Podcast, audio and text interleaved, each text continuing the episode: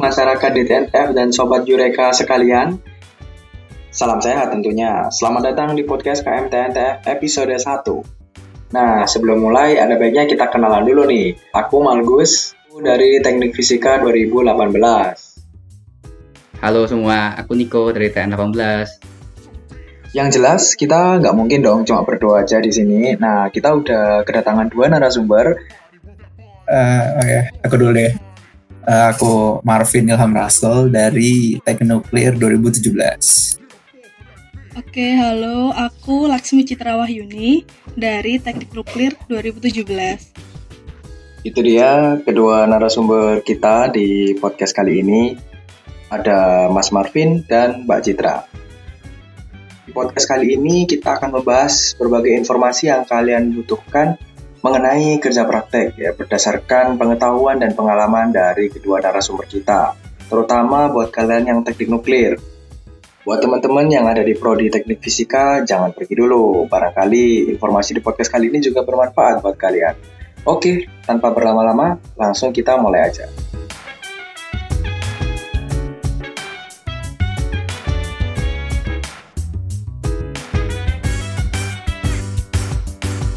Oke, sebagai pembukaan aja nih Mas, mungkin bisa diceritain selama masa pandemi ini ngapain aja sih di rumah? Selama pandemi, uh, ngapain ya? KKN, Vin, KKN. Oh iya bener. Ya, mungkin setengahnya setengah awal kan masih masih kuliah kan kita terus KKN terus KM udah sih itu doang. Sisanya mah paling tidur makan. Makan sih banyak. Jadi begitu teman-teman ya. Bahkan sekelas Mas Marvin pun hmm. kegiatannya selama masa pandemi gak jauh beda dari kita yang cuma makan dan tidur. Betul betul. Ngomong-ngomong gimana Mas menjelang lengsernya Mas sebagai ketua KM ya menghitung mungkin menghitung hari lah ya sekarang. Ya semoga yang terbaik lah. Oke lah kalau begitu ya tanpa kita basa-basi lagi mungkin bisa langsung masuk aja ke pertanyaan pertama. Jadi pertanyaan yang paling mendasar. Sebenarnya apa sih mas? KP itu apa mas mbak? KP itu apa? KP itu ngapain? Terus tujuannya itu apa? Dan seberapa penting sih sebenarnya buat kita ini sebagai mahasiswa itu seberapa penting? Sikat cip. oh gitu, aku ya, oke. Okay. Uh, eh, kalau menurut Mbak sih KP itu ini ya kan matkul wajib, jelas matkul wajib yang ada di Departemen Teknik Nuklir dan Teknik Fisika. Nah, kalau dari tujuannya KP itu secara umum ini sih untuk memperkenalkan dunia kerja yang benar-benar dunia kerja buat kita mahasiswa gitu loh. Ya jadi KP sama kayak magang gitu sih. Ya mungkin Marvin ada tambahan?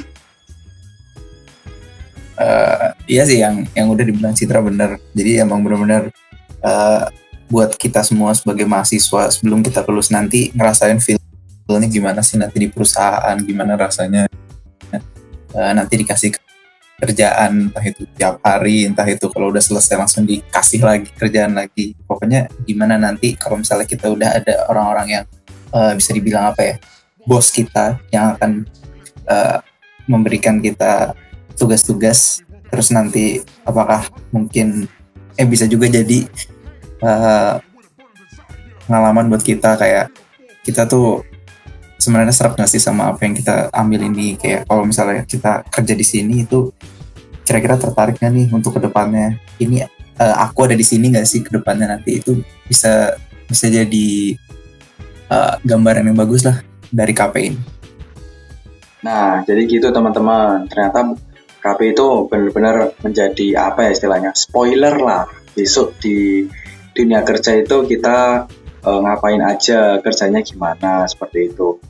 Oke, masuk ke pertanyaan yang paling penting, yang paling sering banget ditanyakan oleh mahasiswa-mahasiswa. Itu sebenarnya prosedur ngurus KP itu gimana sih? Uh, dari awal sampai akhir itu gimana prosesnya, Mas, Mbak?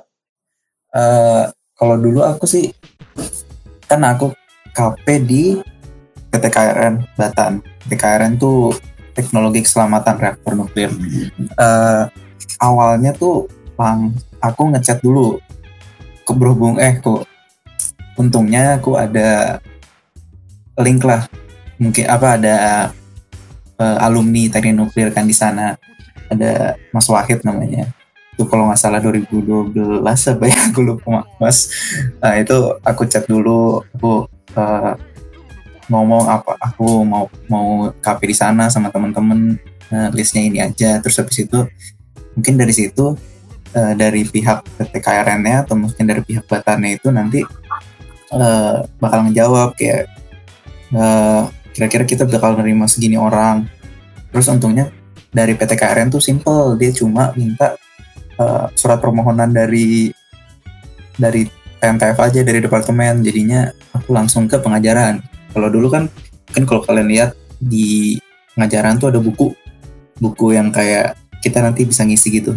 Nah itu uh, untuk KP nah kita tuh ngisi di situ nama siapa aja terus habis itu uh, tujuan KP-nya ke mana. Itu kita tinggal nulis itu nanti sama pengajaran tuh langsung diproses dia langsung buatin surat. Nah kalau suratnya udah jadi kita tinggal uh, kirimin lewat pos. Sebenarnya tergantung sih tergantung uh, tempat kita di mana dan dimintanya apa. Kalau aku berhubungan uh, mintanya di pos. Jadi uh, aku pos ke tempat PT KRN Batan itu. Aku pos terus habis itu nunggu jawaban mereka. Nanti bakal ada jawaban balasan. Kalau aku kan kemarin jawaban balasannya itu di chat balik dari uh, masuk hit. Nah itu nanti dari chat balasan itu, eh maksudnya surat balasannya itu kita print, kasih balikin ke pengajaran, terus nanti dari pengajaran uh, itu kan sebenarnya udah apa ya udah uh, tanda kalau kita diterima uh, kerja praktek di sana. Nah jadi dari pengajaran tuh nanti bakal ngekip dulu suratnya ngasih ke kaprodi Terus nanti dari Kaprodi itu bakal nge-assign tiap mahasiswa atau mungkin tiap grup mahasiswa itu bakal di di apa namanya? Di di dosen pembimbingnya siapa dosen pembimbing KP-nya siapa. Terus nanti langsung di assign terus nanti uh, dibalikin lagi ke pengajaran dari Kaprodi terus dari pengajaran uh, itu tanda tangan. Ya pokoknya dari pengajaran langsung ke balik lagi ke aku. Nah itu berarti itu udah selesai. Nah itu dari dari pengajaran tuh terakhir bakal ngebuatin eh eh dari pengajaran itu nanti bakal ngasih list uh, mahasiswanya sama DPKP-nya kan. Nah dari mahasiswanya nanti harus datengin DPKP-nya masing-masing buat minta uh, paraf konfirmasi kalau kita tuh nanti di bakal di apa bimbing sama mereka loh PPKP kita tuh mereka gitu. Nanti di paraf terus balikin lagi ke pengajaran. Terus nanti dari pengajaran baru bakal bikinin uh, surat perintah langsung dari dari uh, uh, kadep dari Panopri langsung uh, cap departemen yang isinya emang perintah kalau kita bakal KP di uh, PT KRN. Nah nanti pas kita ke PT pas di PT KRN ya kita kasih surat itu ke pihak sana. Kalau aku sih gitu. Uh, maaf panjang tapi emang uh, realitanya gitu. Mungkin Citra uh, beda nih kayaknya nih kan dia kan nggak di Batam nih gimana? Langsung aja ya. Oh kalau Marvin kan tadi di Batan nggak sih Yavin ya? Kalau aku itu di perusahaan NDT itu namanya PT Spektra Megah Semesta Surabaya. Awalnya tuh sebenarnya Mbak e, bingung gitu loh, masih bingung. Ini yang punya ide awal nih temennya Mbak. Jadi dia dulu yang hubungin perusahaannya lewat email yang ada di website. Nah, terus kalau habis itu sama emailnya tadi dikasih email HRD-nya ya, HRD-nya kayak gitu. Udah, dan ternyata emang perusahaannya setuju. Nah, dari situ tadi prosesnya sama sih, nulis nama nama perusahaan yang ada di buku di akademik itu. Ya, terus prosesnya secara umum sama. Sama kayak Marvin ya, nggak usah dijelasin lagi kali. gitu. Terus udah sih. Simple karena juga perusahaan Spektra tadi juga nggak minta proposal. Jadi langsung daftar aja di situ. Dan kebetulan Spektra itu udah jadi langganan sih. Dari tahun berapa ya waktu itu mbak diceritain angkatan 2015 jadi kayak setiap tahun emang ada. Dan kebetulan udah kayak ya baik gitulah sama teman-teman UGM kayak gitu sih. Ya secara garis besar sama kok prosesnya. Wah, Mas, berarti kalau aku nangkepnya, berarti yang swasta lebih simpel ya, nggak perlu macam-macam gitu ya. Kalau yang apa kayak Batan, yang apa punya pemerintah itu lebih ribet ya, atau gimana? mungkin bisa dibilang gitu ya karena juga yang di perusahaan yang mbak datengin itu mereka beliau beliau nggak minta apa-apa sih nggak minta proposal juga yang penting surat tadi SPKP ya namanya surat eh ya surat Iya, perintah itu tadi Tapi Mm-mm. Jadi nanti emang ada dua surat. Yang pertama tuh surat untuk di perusahaannya yang dikirim. Kalau kemarin Mbak dikirimnya lewat pos karena perusahaannya minta lewat pos. Terus yang kedua itu yang SPKP itu. Itu juga dibawa nanti dikasihkan ke perusahaan. Perusahaan atau di ya itu deh. kalau kan Batan kan ininya banyak ya apa Eh, mungkin departemen-departemennya banyak ya nah aku kan di PT KRN nah teman-teman aku tuh ada lagi yang di PT BBN, PRSG, di PST, eh, PST, PSTNT nah kebetulan mayoritas dari kami itu nggak dimintain eh, apa proposal nah ada satu yang dimintain proposal itu di PRSG itu eh, apa reaktor sebaguna di Serpong. Jadi aku udah nanya juga alur pendaftarannya dia gimana sih? Dia tuh pokoknya awalnya kalau yang butuh proposal ya, kayaknya nih untuk semuanya juga deh nggak untuk di juga. Kalau misalnya ada yang butuh proposal, kemungkinan besar sih eh, alurnya begini juga untuk info lagi aja. Ya. Jadi eh, teman aku itu dia eh, email dulu email pokoknya ngehubungin dulu entah itu email entah itu langsung nomor telepon WA eh, pokoknya ngehubungin soal eh, dia mau KP nih kira-kira ada lo ada slot nggak? Terus habis itu harus ngapain? Nah, itu tanya-tanya kayak gitu tuh harus. Nah setelah itu karena dimintain proposal eh, mereka bikin proposal dulu. Terus nanti eh, proposalnya itu harus eh, ditandatangani kadep sama Pak Nopri berarti. Nanti eh, proposal bakal dikirim berbarengan dengan surat permohonan KP yang eh, tadi aku bilang yang kalau dulu itu nulis surat eh, nulis di buku yang di pengajaran itu itu dibarengin surat permohonan itu barengan sama proposalnya.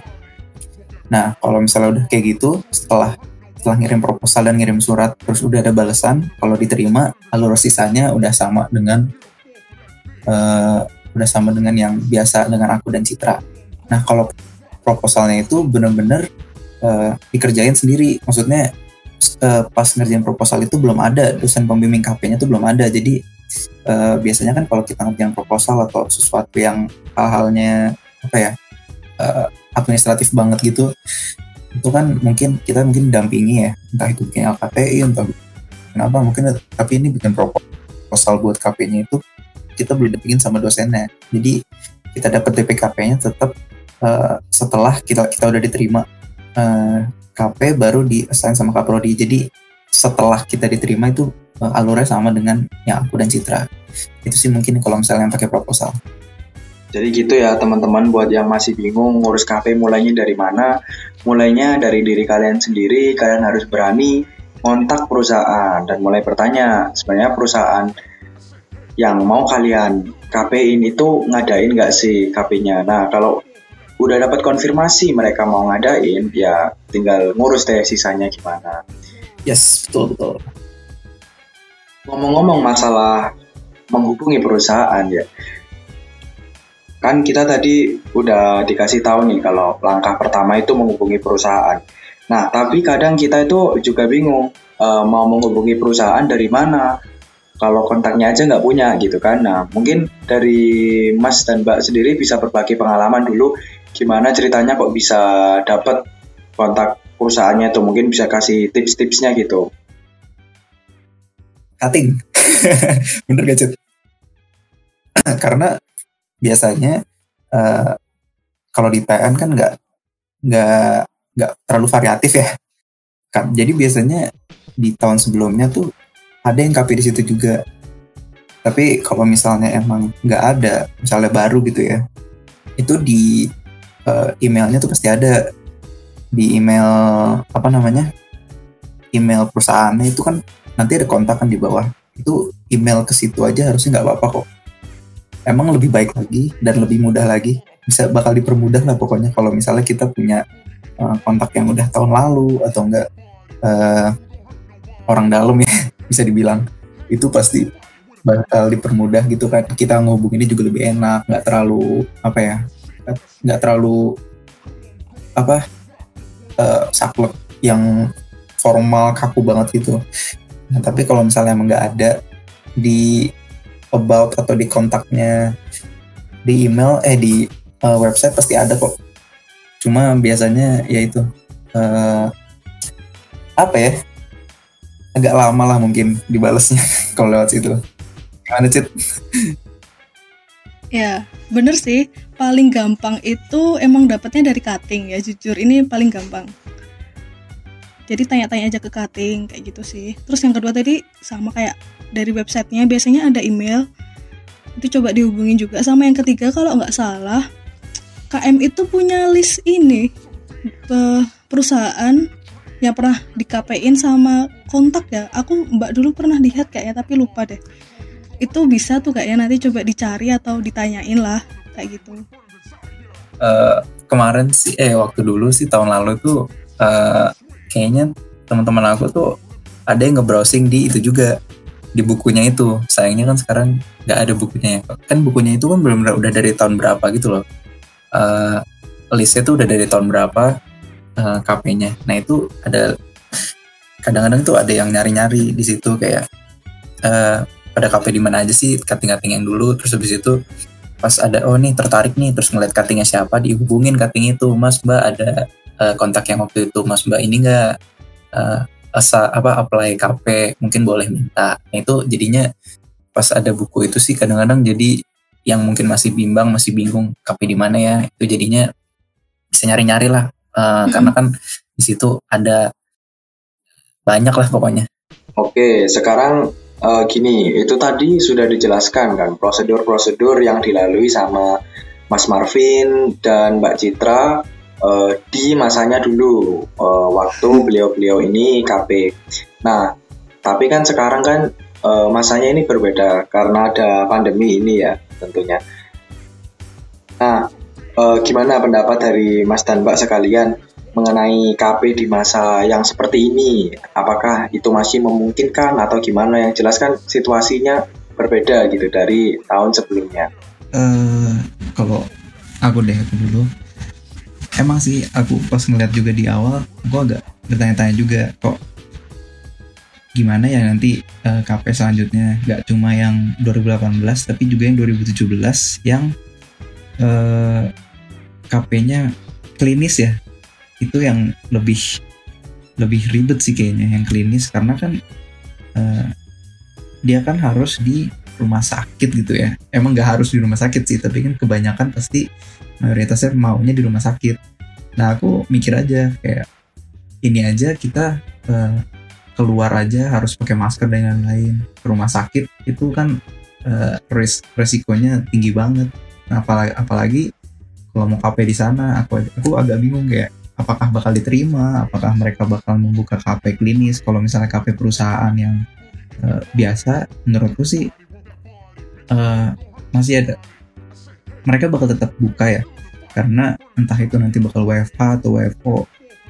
Kalaupun mereka nanti ada mungkin ada PHK kalau dia menerima magang kan itu kan gak dibayar ya mungkin iya, bisa bener. mungkin bisa mungkin bisa iya, gak dibayar. Iya mungkin bisa jadi SDM gratis untuk membantu. Nah kalau yang jadi concern aku yang klinis yang sekarang ini yang mungkin teman-teman 2017 atau mungkin 2016 yang belum atau sebelum-sebelumnya yang belum pokoknya yang klinis ini agak membingungkan.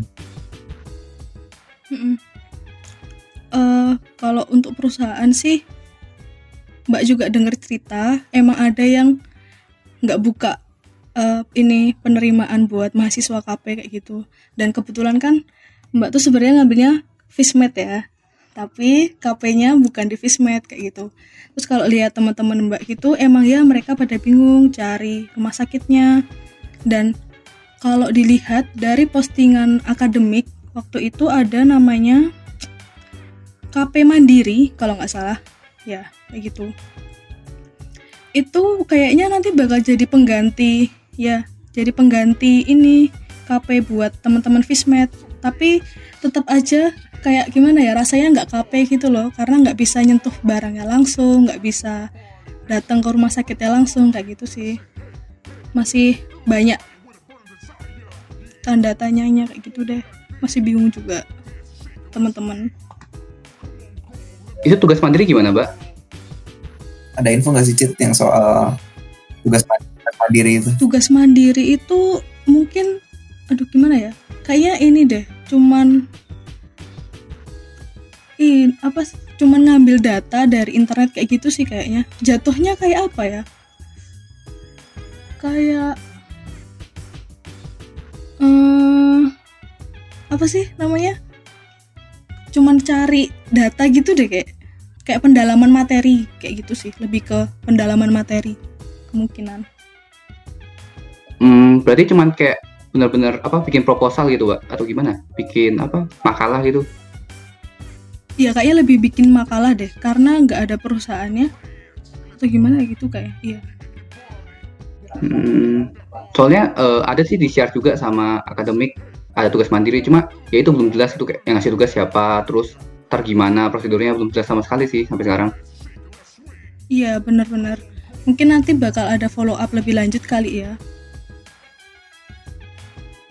Mas Mbak eh, apa SKS-nya KP itu dimasukin di semester sekarang semester 5 berarti ya? 5 atau semester 6 ya? Semester 5 Eh Iya semester 5 bener. semester 6 semester 6 nggak sih? Eh sekarang semester 6 kan? Eh iya deh Bener. Sorry sorry Sorry iya sorry. SKS-nya diambilnya Iya, di semester sorry, sorry, 6 bener-bener. Di semester Oh, kan? KP-nya itu 5 ke 6 nggak sih hmm. KP-nya 5 ke Iya, 6 kan iya ya? makanya 6 Betul. SKS-nya diambil di di semester 6 ya. Eh, Iya betul. Ini dia rekap Sorry sorry. Oh berarti semester 6 ya? Yes. Bukan semester antara ya? Soalnya kalau KKN kan ada semester antara gitu ya, atau gimana? Iya. Kalau ya kamu Vin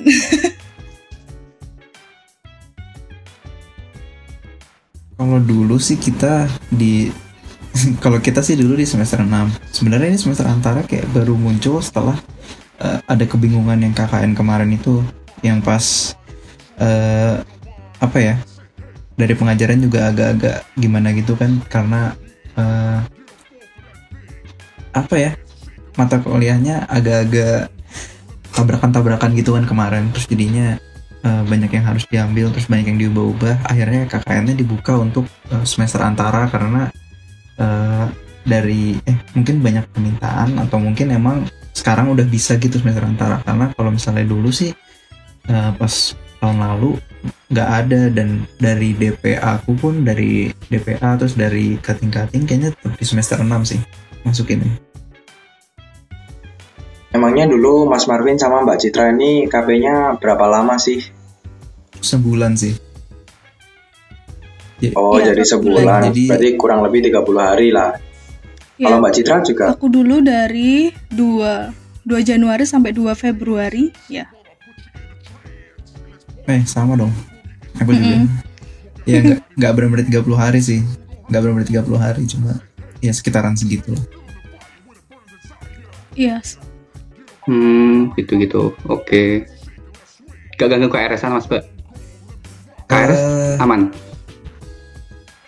aman. Waktu itu kan di 2 Januari sampai 2 Februari. Sedangkan kita masuk tuh kalau nggak salah kayak tanggal 8 gitu nggak sih? Yang kayak mulai mulai masa-masa KRS tuh kayak tanggal 8 pokoknya nggak ganggu lah. Tapi ada juga sih teman-teman yang eh, emang harus nge-sacrifice masa KRS-nya tapi nanti kalau misalnya masa KRS yang kepotong karena ada alasannya begini bisa dibantu kok sama sama teman yang udah di sana. Entah itu pakai surat kuasa. Tapi kalau misalnya yang aku kemarin sih sama Citra nggak kok. Dua sampai dua itu belum masa KRS semester genap. Oh ya, oke oke. Mbak Citra gimana KRS-annya? Lancar-lancar aja. aman sih kayaknya kearasannya aman kok aman-aman aja itu tuh kayaknya setelah selesai KP ya baru KRS-an lupa deh ya aman kok masih sempat KRS-an Oh aman. Oh soalnya ada yang apa cutting yang ambil kelas kelasku terus apa belum masuk gitu. Pas aku udah masuk kok dia belum masuk gitu. Takutnya kan apa kayak malah motong kuliah juga gitu. Hmm. Mungkin aja sih, soalnya ada beberapa yang itu kan sebenarnya eh, permintaan untuk eh, durasinya itu itu kan kita yang entah dari perusahaan atau enggak kita yang eh, coba minta ke sana. Tapi biasanya sih nanti kalau walaupun kita minta perusahaan nanti yang ngasih kayak eh, ini tanggal 2 sampai 2 kita bisa kok terus ya udah kita apply di situ. Mungkin dari perusahaannya dia baru bisa kayak oh kita bisanya mungkin dari tanggal buka dari tanggal 10 sampai 10 ya udah kita mau nggak mau gitu. Tapi dari departemen juga eh, bakal baik kok kalau soal ini karena kan kita ada ada alasannya entah itu eh, kita ada alasan buat karena kita KP jadi bukan tanpa alasan kita bolos gitu loh. Cuma semua tergantung perusahaan ataupun eh, tempat kita KP nanti sih. Iya bener. Soalnya ada sih cerita eh, Nambahin ya Ada cerita sih kayak emang Beberapa temen-temen Tapi bukan T TN ya TN juga ada deh kayaknya. Sama TF tuh Ini Mereka udah masuk kuliah Tapi belum pulang Belum selesai KP-nya kayak gitu. Karena emang mulai KP-nya pun telat Dan kayaknya sih Kalau minggu-minggu awal itu Masih revisi KRS ya Dan masih Itu jadi mungkin absensinya bisa dibilang aman kayak gitu sih. Oh oke mbak, mbak. Mantap sih motong kuliah. Skip gratis. Nah, kalau dari Mas dan Mbak dulu pernah nggak sih eh, kayak mendengar mitos mungkin atau rumor-rumor seputar KP yang ternyata waktu dijalanin itu nggak benar atau atau itu memang fakta gitu? Ada nggak itu yang kayak gitu?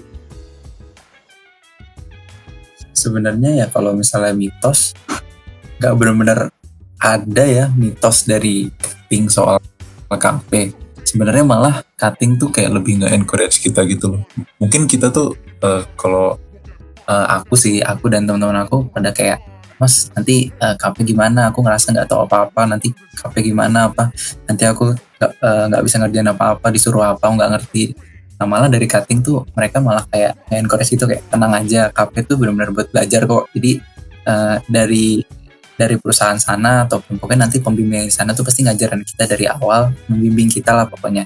Karena ya kita juga masih mahasiswa eh, nggak mungkin dia nggak expect eh, kita udah tahu apa yang eh, biasa dilakuin sama eh, karyawan mereka biasa gitu loh yang ngajit Oh, mitos mengenai KP, mitos mengenai KP apa ya? Soalnya Mbak dulu tuh nggak ada ini sih, nggak nggak dapat cerita yang ngeri apa apa gitu loh. Jadi nggak nggak ada bayangan sebenarnya di sana ngapain juga. Nggak yang kayak cuma disuruh ini itu atau disuruh ngapain doang nggak gitu sih. Jadi gitu ya teman-teman Eh, buat kalian yang merasa resah dan gelisah takut dengan KP tenang aja ya karena kita sama-sama resah ya ternyata. Oke, jadi itu saja untuk sesi satu ini dan nanti kita akan berpindah ke sesi kedua.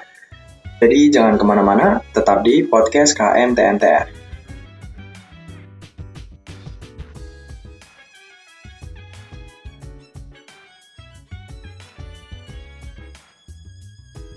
Kembali lagi di podcast KM TNTR.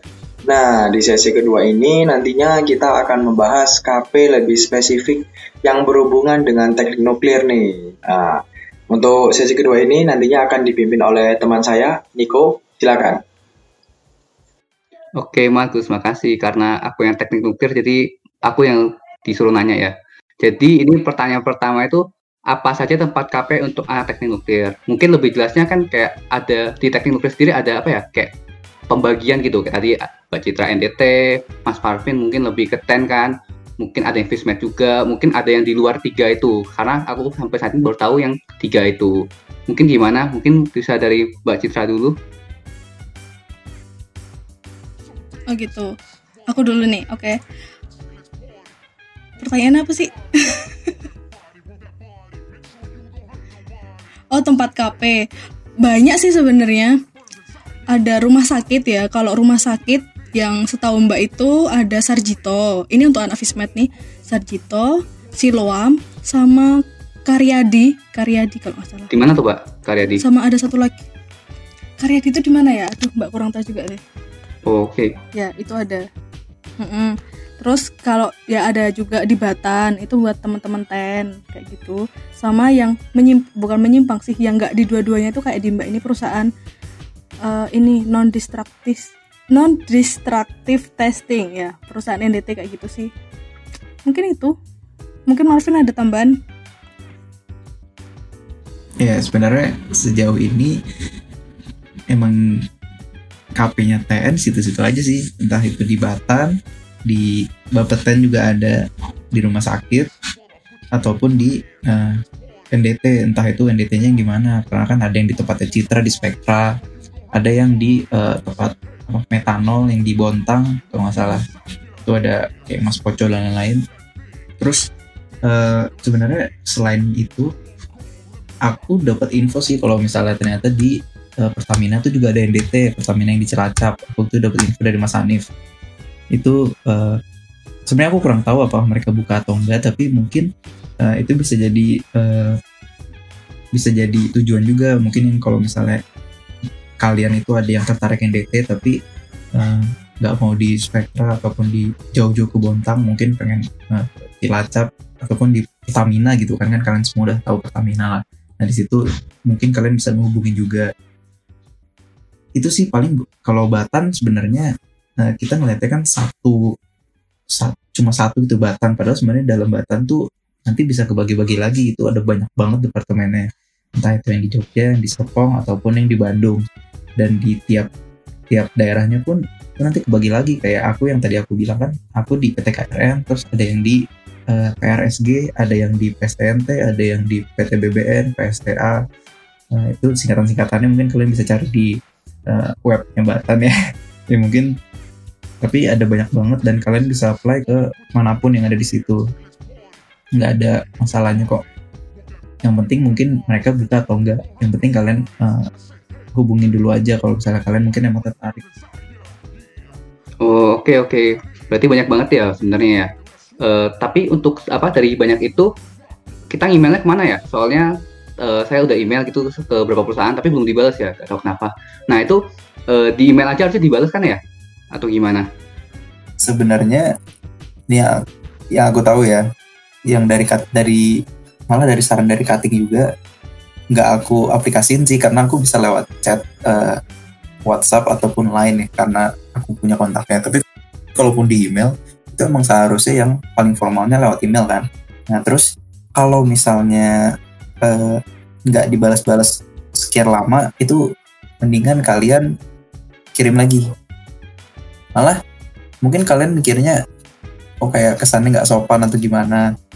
Malah tapi yang aku dengar dari cutting maksudnya saran dari cutting ya pesan gitu kayak mendingan kamu mungkin kalau belum dibalas-balas juga tiap tiga hari mendingan diingetin atau mungkin di email lagi lebih baik lagi kalau misalnya udah punya kontak ya kalian bisa ingetin lagi kayak uh, permisi bu maaf uh, yang saya sudah kirim kemarin apa sudah di uh, proses apa sejauh ini bagaimana bu? Apakah ada perkembangan dan hal-hal yang malah kita harus follow up uh, lebih lanjut kalau walaupun belum dibales tapi dari mereka pun kalian tahu sendiri kalau email perusahaan tuh pasti kemungkinan untuk tertimbun tuh tinggi banget.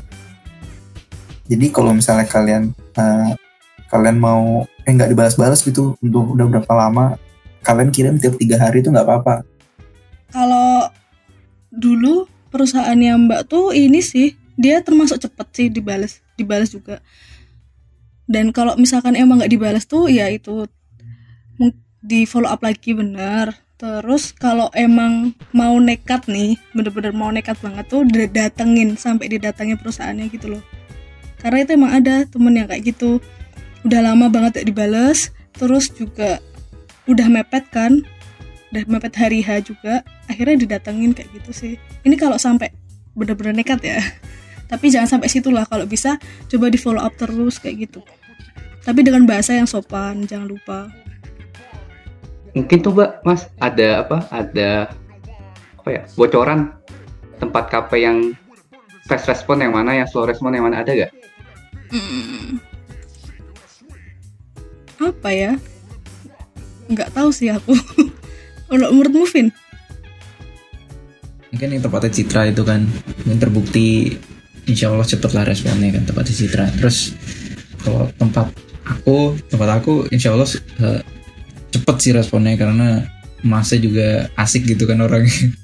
Jadi uh, agak agak lebih mungkin bisa agak lebih santai lah walaupun tetap harus uh, sopan gitu ya ngomongnya karena kan tetap aja dia senior kita. Kayaknya tapi uh, teman-temanku balasannya nggak terlalu lama kok itu. Entah itu yang di uh, PT KRN di PT BBN PT BBN tuh bahan bakar nuklir.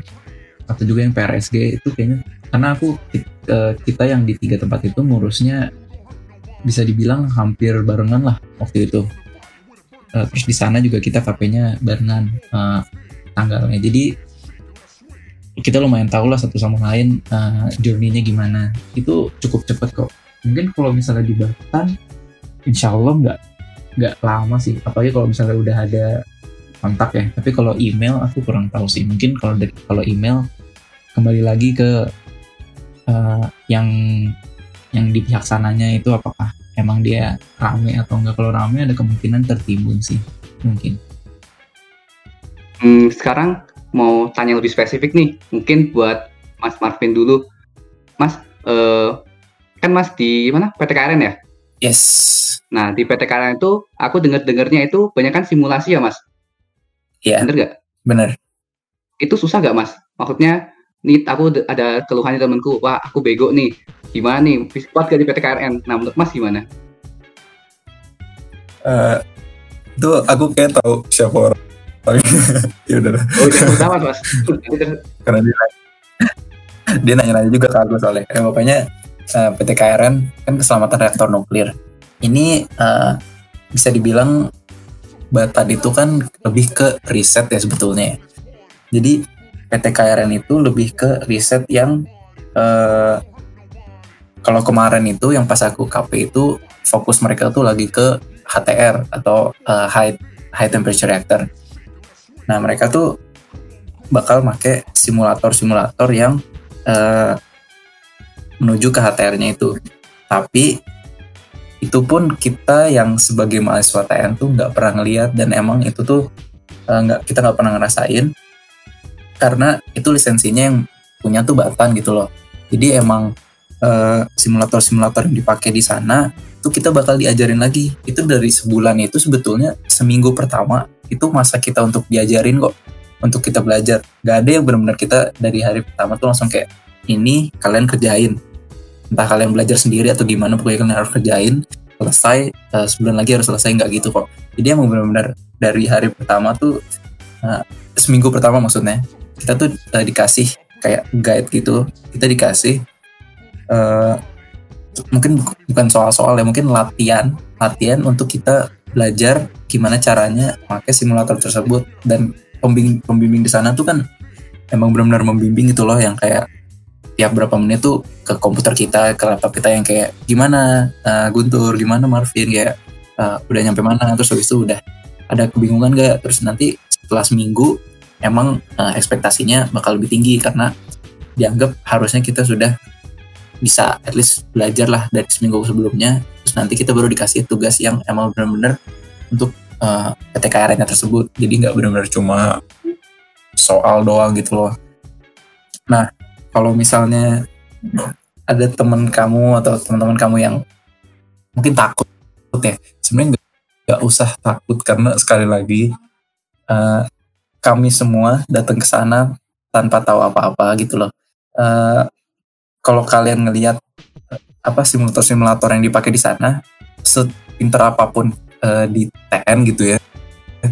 Mungkin teman kamu ada yang pinter banget gitu kan yang emang terkenal misalnya IP-nya 4 gitu.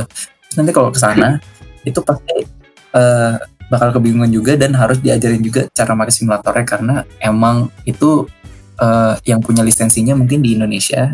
Itu emang cuma batan doang. Jadi emang pastinya nggak mau uh, kemungkinan besar tuh nggak bakal diketahui gitu loh. Dari dari mahasiswa biasa. Makanya uh, eh, KP ini dipakai buat belajar. Nggak usah takut lah pokoknya. Pokoknya ya kalau kamu ada denger-denger uh, soal PTKR yang nanti sepaneng lah pusing.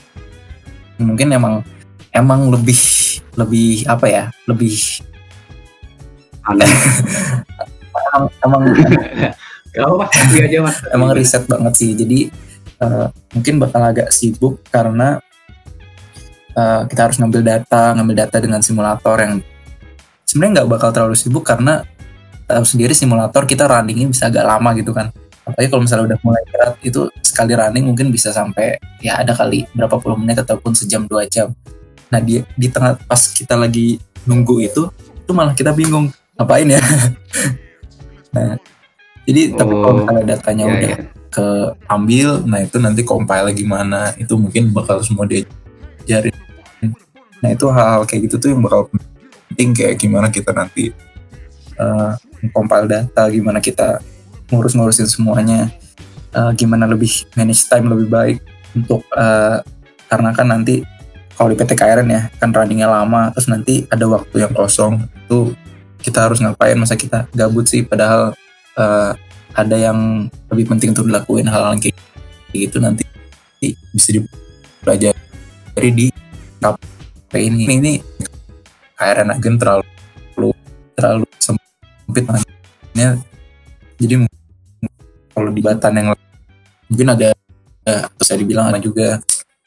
Tapi kalau misalnya PT KRN kayak gitu jadi kalau yang mau ke PT KRN semangat tapi tenang aja nggak ada yang perlu ditakutin kok. Citra silahkan Spektra ya kita juga awal nggak langsung kerja kerja istilahnya nggak langsung praktek gitulah kita nanti di awal itu pasti ada pendalaman materi dulu. Itu kemarin mbak tuh dikasih buku dipinjemin buku. Itu tergantung ini sih kesepakatan antara kita mahasiswa dengan pembimbingnya ya. Kalau waktu itu anggap aja ada lima materi sih. Jadi waktu yang minggu awal itu mbak nyelesain untuk tugas tugas mandirinya ya tugas khusus tugas khusus namanya tugas khusus itu diselesaikan di minggu pertama. Terus yang sisanya yang empat materi itu tiap minggunya. Jadi mungkin tiga hari awal itu kita belajar materi uh, ya memperdalam. Terus nanti di minggu-minggu atau di hari Jumatnya itu biasanya nanti praktek langsung ya. Praktek langsung. Misal contoh ini deh uh, penetran testing lah kayak gitu itu prakteknya nanti gimana caranya segala macam kayak gitu sih. Itu dilakuin te, untuk setiap minggunya.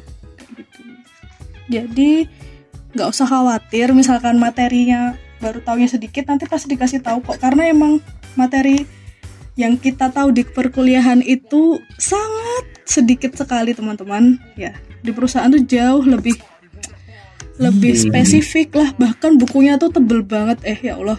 Itu aku kagum sih sama bapak-bapaknya pembimbingnya karena beliau-beliau itu udah hafal gitu loh letak letak ini tuh di mana sih di halaman berapa tuh tahu. Karena sering dibaca juga sih pasti. Begitu. Oh iya ya mantep banget. Berarti nggak perlu takut ya soal KP ya, karena dengan kerja keras dan kemauan pasti Iya, bisa gitu ya.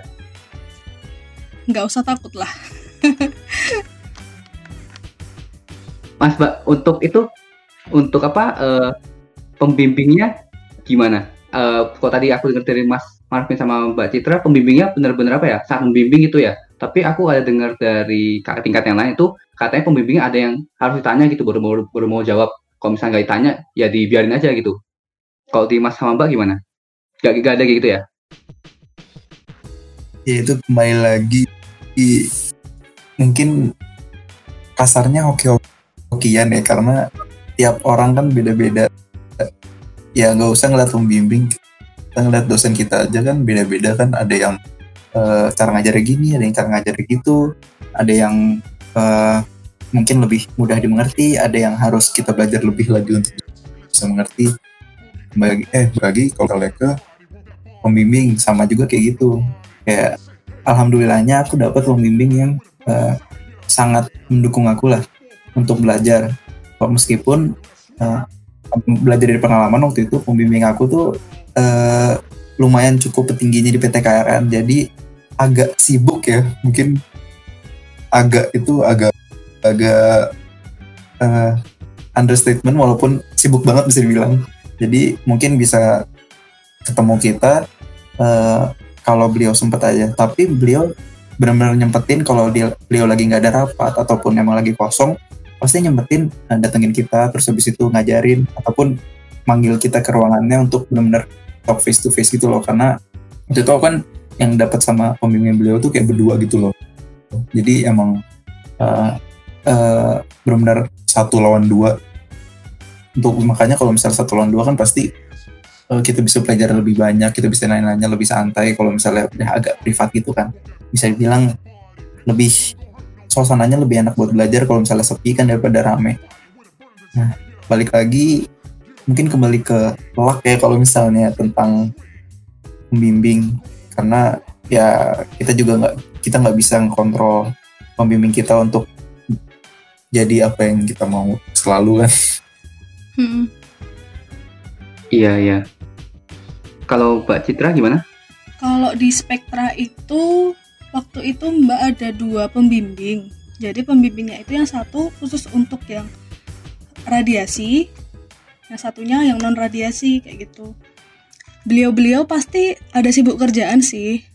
Cuman emang ada beberapa kali kami kami ini eh, dibiarkan dibiarkan dalam artian tuh bapak-bapaknya kerja, kami suruh baca materi kayak gitu. Tapi tetap kalau memang nggak ada kerjaan yang lagi harus deadline ya misalkan, ya pasti nanti bakal membimbing kita gitu loh.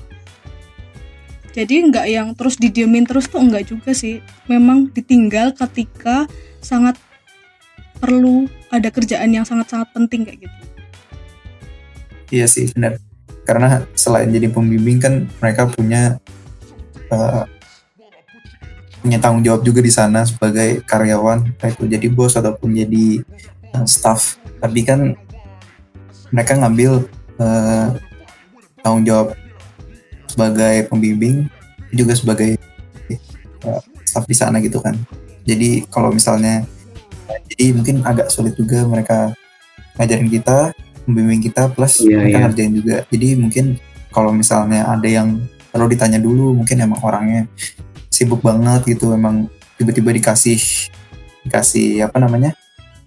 dikasih deadline sama perusahaannya kayak ini Kamis besok harus harus sudah selesai pada dikasihnya hari Selasa gitu. Terus habis itu kitanya nggak ngerti terus habis itu tapi kita nunggu nunggu nunggu eh, diajarin padahal ya kita juga harus proaktif lah kalau misalnya mungkin emang alhamdulillah kalau misalnya kita dapat pembimbing yang secara aktif datengin kita ngajarin eh, segalanya. Tapi dari kitanya juga harus ingat kan mereka juga punya kerjaan nggak cuma kita doang.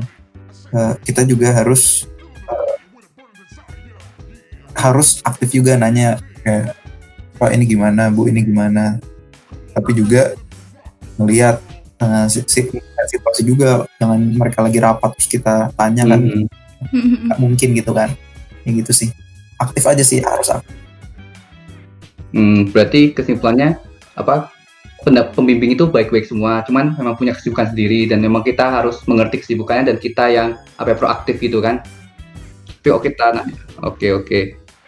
Tim Gus, ada pertanyaan? Silakan Gus. Uh, Mas Mbak, aku mau tanya nih.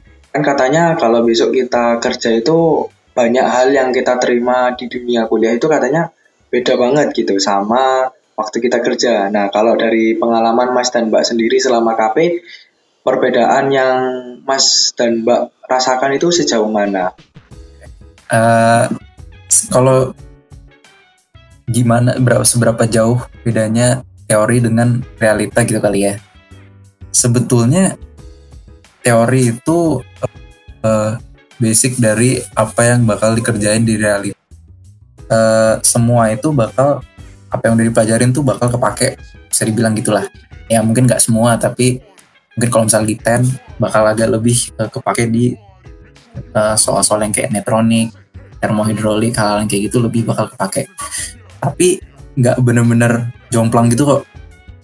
Emang yang kita pelajarin kan uh, cuma teori yang udah di rumus-rumus hal, hal kayak gitu kan. Sama mungkin istilah-istilah tapi kalau misalnya yang terutama yang aku yang PTKRN kan simulasi ya.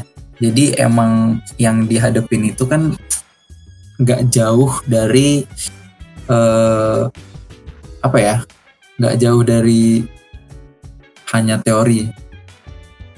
Sebetulnya mungkin kalau teori yang masih kita pelajari di sebagai mahasiswa S1 itu kan mungkin kalau termohidrolika gitu ya. Kita cuma uh, ngerjainnya yang satu dimensi doang nggak yang dua dimensi. Nah nanti uh, di KP ini aku ngomong gini karena aku kemarin lebih ke termohidrolika ya KP-nya jadi aku tahu uh, yang dipelajari di kuliah kan satu dimensi aja misalnya cuma di X doang. Nah nanti kalau misalnya di atau mungkin dua dimensi lah X Y. Padahal nanti di pas aku di PT KRN itu dari dari pembimbing aku tuh minta hasil finalnya itu tiga dimensi. Tapi dua dimensi dulu. Kayak misalnya uh, kita selesai dua dimensi dulu kalau misalnya selesai baru nanti uh, kita coba tiga dimensi dengan dibimbing dan diajari lagi sama uh, beliau. Nah emang sih awalnya kaget tapi kan kita harus baca-baca lagi. Terus habis itu kalau misalnya harus tiga dimensi uh, kita harus ngambil yang Z gitu kan yang X, Z. Nah, itu kan mungkin agak bingungin apalagi kalian mungkin yang TN tau lah rumus-rumusnya nggak cuma yang neutron yang drolika gitu kan. Mungkin kaget lah kayak waduh ini rumusnya begini banget nih gitu kan. Uh, cuma ya itu sih emang uh, itu bedanya teori sama realitas sih. Pasti ada bedanya tapi kalau di PTKRN nggak bakal bikin terlalu kaget ya, kok. amat. karena itu kan riset ya. Riset kan basisnya emang teori. Jadi nggak bakal jauh-jauh banget. Kayaknya yang di Batan juga nggak terlalu jauh-jauh sih dari itu. Karena kan emang Batan whole aja kan emang untuk riset Iya bener. Kan Mbak dulu ambilnya di perusahaan NDT ya non destructing testing non destructive testing. Itu emang mbak sebelumnya ngambil mata kuliah NDT juga. Cuman waktu di sana pun ternyata yang kita pelajari itu masih sangat sedikit gitu loh. Jadi kita di sana juga belajar ulang lagi baca bukunya diajarin lah dari awal. Jadi nggak masalah sih kalaupun emang kalian cuma tahu yang sedikit doang atau bahkan nggak tahu sama sekali pun nanti bakal dibimbing kok kayak gitu. Berarti tetap itu ya harus apa harus buka-buka buku dulu ya? Maksudnya buka-buka buku lagi gitu? Aku ngerjainnya aja kan bener-bener baca-baca lagi entah itu buka Holman buka apa sih Cengel nah. kayak gitu tuh aku aku buka nah. lagi karena emang PPM ya sama termo? Yes betul. PPM termohidrolika itu emang uh, yang bakal dipakai lah. Lagi pula nanti kalau misalnya kita kerja pun kita nggak nggak kayak ujian gitu loh yang close book. Kita punya internet kita punya buku uh, materi hal kayak gitu harus dipakai. Kita baca kita jadiin referensi kita jadiin uh, pelajaran gitu. Jadi ya nggak mau ngomongin soal ujian lah udahlah lanjut. Oke mas, berarti kalau nggak kuat PPM sama termo, jangan di PTKN. Oh nggak gitu, ya? Itu aku kebetulan lagi oh, dapat aja. Gitu. Nggak tahu aja mungkin sekarang risetnya lagi beda, terus yang lebih ke netronik atau mungkin tiba-tiba eh, nggak uh, ada perbedaan panas lagi. Itu mungkin harus ditanyain sih kayak ke yang tadi apa kontak personnya itu kan kalian boleh kok tanya-tanya kan nggak mungkin kalian masuk juga benar-benar buta gitu nggak tahu apa-apa kalian benar-benar cuma ah biar KP aja lah. Kan nggak jangan kayak gitu juga. Hmm, hmm oke okay, mas. Jadi kalau dari mas Marvin udah jelas ya. Jadi harus apa tidak jauh-jauh beda tapi tetap harus apa belajar-belajar lagi sambil belajar gitu. Mungkin kalau Mbak Citra gimana? Oke, kalau perusahaan NDT ya, Mbak dulu kan juga ambil matkul NDT itu emang ya ada sih, maksudnya dikit-dikit. Kayak misalkan e, caranya penetran testing itu kayak gini, kayak ini, kayak ini. Itu di perkuliahan. Tapi kan karena ini perusahaan, jadi pasti mereka punya yang namanya prosedur. Nah, ini yang nggak ada di perkuliahan. Prosedur ini itu teknisnya yang benar-benar lebih detail kayak gitu loh. Jadi, misalkan kita mau mendeteksi cacat nih cacat ya dia tuh harusnya pakainya apa sih dilihat dulu jenis cacatnya bukan dilihat jenis cacatnya tapi dikira-kira jadi ada stepnya dulu harusnya ngetes yang ini dulu ini ini baru ini kayak gitu loh. Dan itu di harus tahu uh, cahayanya itu seberapa sih terangnya biar itu tuh dianggap valid cacatnya. Terus juga berapa lama harus ditunggu misalkan yang tadi penetran itu biar masuk ke celah-celahnya itu berapa lama sih terus cara bersihinnya gimana sih terus yang dipakai itu jenisnya apa aja sih kayak gitu itu semua lebih detailnya memang ada di perusahaan. Cuman ya bisa dibilang matkul kuliah itu sebagai pengantar lah ya. Oh ini toh yang namanya penetran testing. Oh ini yang namanya uh, ultrasonic testing kayak gitu sih. Nanti dikasih kok dikasih pinjem pinjem ya dikasih file prosedurnya itu tadi. Gitu mungkin Oke, Mbak. Berarti kalau aku nangkepnya kalau NDT itu Pak di perusahaan NDT itu lebih ke praktiknya ya, maksudnya uh, berbeda uh, teori sama praktik agak berbeda jauh karena kalau di praktik ada kayak keselamatan kerja, ada SOP-nya segala macam kayak gitu ya, Mbak ya. Iya, benar dan itu emang harus mengikuti prosedur dan SOP keselamatan segala macam itu benar-benar diperhatiin sih apalagi yang radiasi ya kan di sana juga ada radiasi itu. Itu juga benar-benar diperhatiin. Iya. Nanti gawat nanti kok kena radiasi kena kanker. Gak sih? Oke Malgus. Gimana Malgus? Oke, mungkin ini yang terakhir aja ya uh, ada nggak pesan-pesan dari Mas dan Mbak buat teman-teman kita yang saat ini ya, yang tadi ya resah dan gelisah uh, mengenai KP ini mungkin ada pesan-pesan gitu Mas Mbak. Citra dulu Cit. Oh pesan-pesan ya. Uh, jangan malas untuk cari informasi sedalam-dalamnya dan sebanyak-banyaknya ya kayak gitu.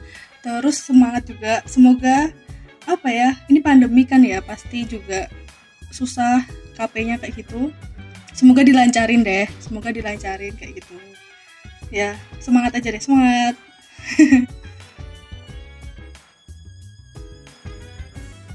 Oh gue ya.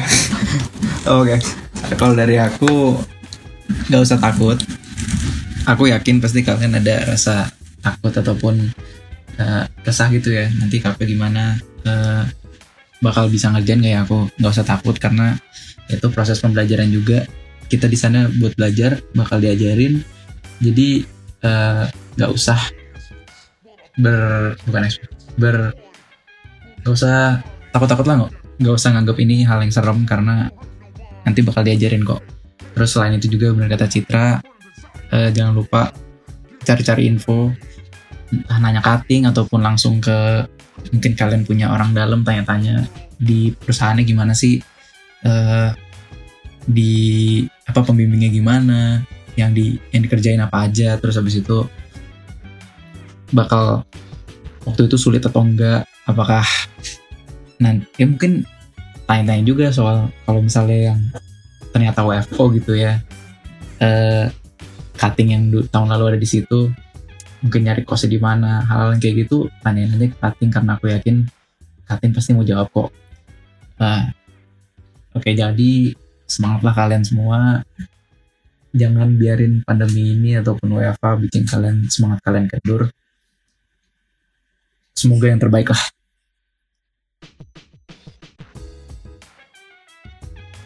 Oke, jadi pesan-pesan dari Mas Marvin dan Mbak Citra yang sudah disampaikan barusan menutup podcast kita kali ini dan semoga pertanyaan-pertanyaan kalian seputar KP sudah terjawab di podcast kali ini.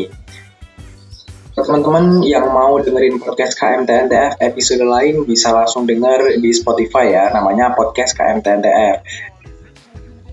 Jangan lupa follow IG KMTNTF, OA lain KMTNTF, dan website KMTNTF supaya kalian nggak ketinggalan info-info menarik lainnya. Sekian dari kami, TNTF, Yureka. Mereka. Mereka